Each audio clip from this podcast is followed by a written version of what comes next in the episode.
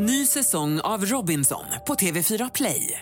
Hetta, storm, hunger. Det har hela tiden varit en kamp.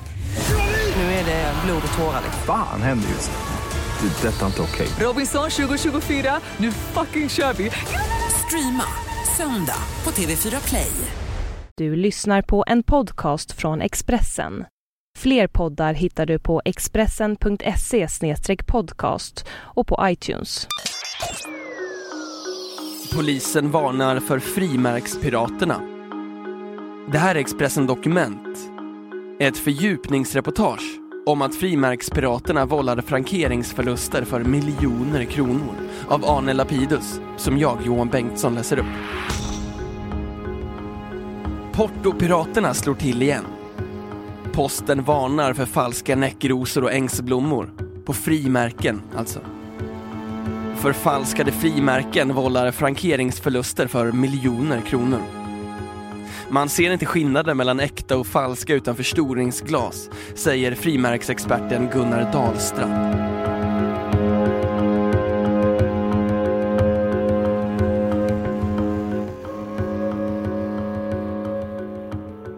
Nu gäller det att hålla tungan rätt i mun när man slickar på frimärket. Det kan vara falskt. Ligor smugglar in förfalskade svenska frimärken.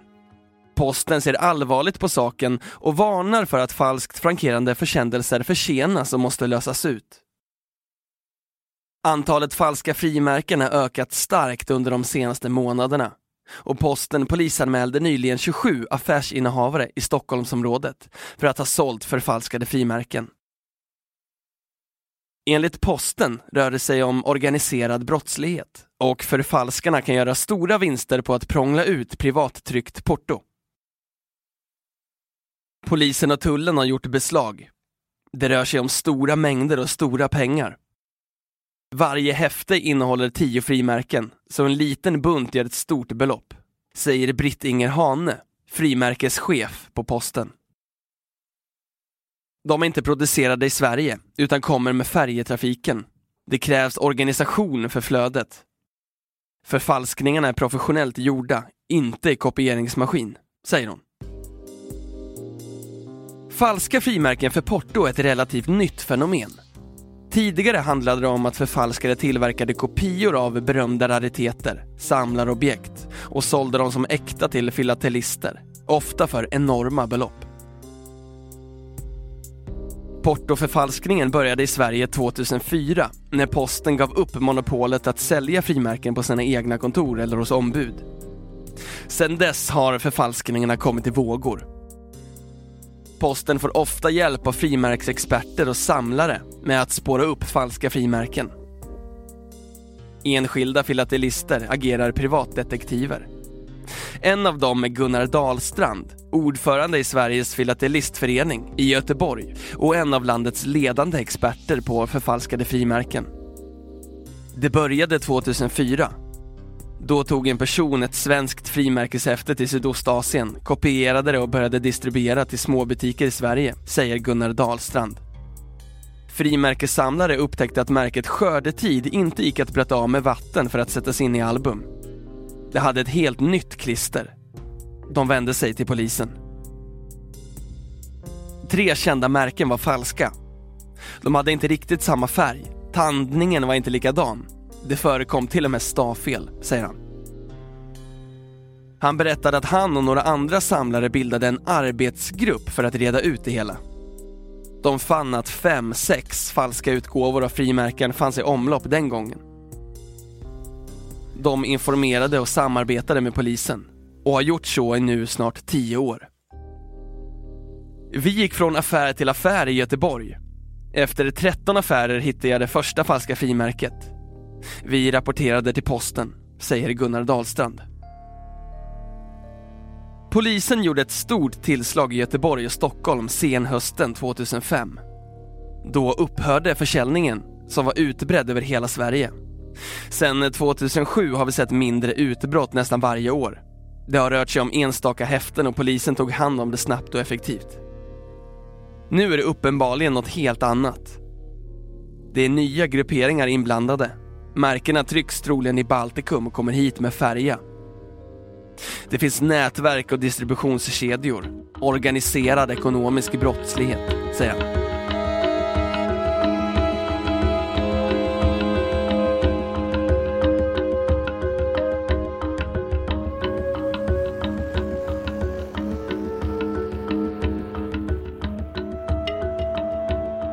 Gunnar Dahlstrand förklarar att de första falska häftena i den nya vågen, cyklar och textilkonst, upptäcktes i november förra året. Därefter har det kommit en stridström av ytterligare falska häften. Näckrosor, Cancerfonden, Ängsblommor, Hjärtat i naturen, SOS Barnbyar, Folkparker. Polis och tull tog hand om en del av leveranserna redan i Stockholms frihamn Posten uppskattar att ett par hundratusen falska frimärken är i omlopp just nu. Gunnar Dahlstrand påpekar att förfalskningarna är svårare att upptäcka idag än när de började 2004. Nu är skannerns kvalitet och kapacitet betydligt högre. Och det ökar också kvaliteten på förfalskningarna. Man har inte chans till att se skillnad utan förstoringsglas. Förfalskningarna är välgjorda. De skiljer bara i små detaljer. Men papperna och färgerna är inte postens. Texterna är förgrovade, säger Gunnar Dahlstrand. Det är enklare att förfalska sen posten slutade att gravera sina frimärken. Idag är huvudparten offsettryckta dekalfrimärken med blank yta och klister på baksidan, utan gravyr. Så förfalskarna slänger bara in häftena i skannen, säger han. Postens pressekreterare, Maria Ibsen, understryker att det kan vara svårt att identifiera skickligt gjorda förfalskningar. Ingen förfalskning har påträffats hos postens egna ombud, så köp där om ni vill vara säkra. Svårt att veta exakt hur mycket pengar det rör sig om. Det finns ett mörkertal men det handlar om miljontals kronor, säger hon och ger några tips på hur man kan känna igen ett falskt frimärke. Nummer ett, titta efter om texten är suddig. Nummer två, kolla perforeringen. Den kan vara sned. Kanten runt frimärket kan vara olika stor på olika platser. Nummer tre, titta efter färgskillnader. Men det kräver att man har ett äkta frimärke att jämföra med. På posten är man inte bara oroad över de ekonomiska förlusterna utan också för att förtroendet för brev och frimärken ska rubbas. Posten påpekar att avsändaren tar en risk om han frankerar falskt, även om det sker i god tro. Det är viktigt att behålla värdet av brev som ett säkert sätt att kommunicera. Man slickar på ett frimärke, postar det med rätt adress och den når fram imorgon. Men om vi upptäcker ett falskt frimärke i hanteringen stoppar vi det, säger postens frimärkeschef, Britt-Inger Hane. Vi kontaktar avsändaren och ber om hjälp att hitta stället där han köpt frimärket. Finns det ingen avsändare beläggs brevet med lösen. Mottagaren får lösa ut det. Vi gör ingen bedömning om det skett i god tro. Det ställer till det för privatpersoner. Inte alla myndigheter löser ut försändelser. Det är inte heller roligt att lösa ut kondolenskort och tackkort, säger hon.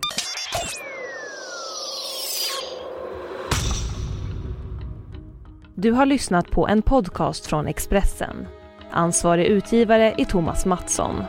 Fler poddar finns på Expressen.se och på iTunes.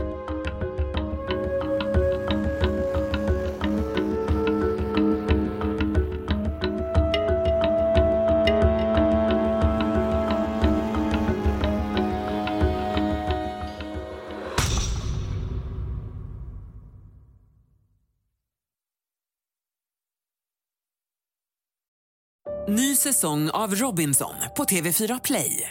Hetta, storm, hunger. Det har hela tiden varit en kamp.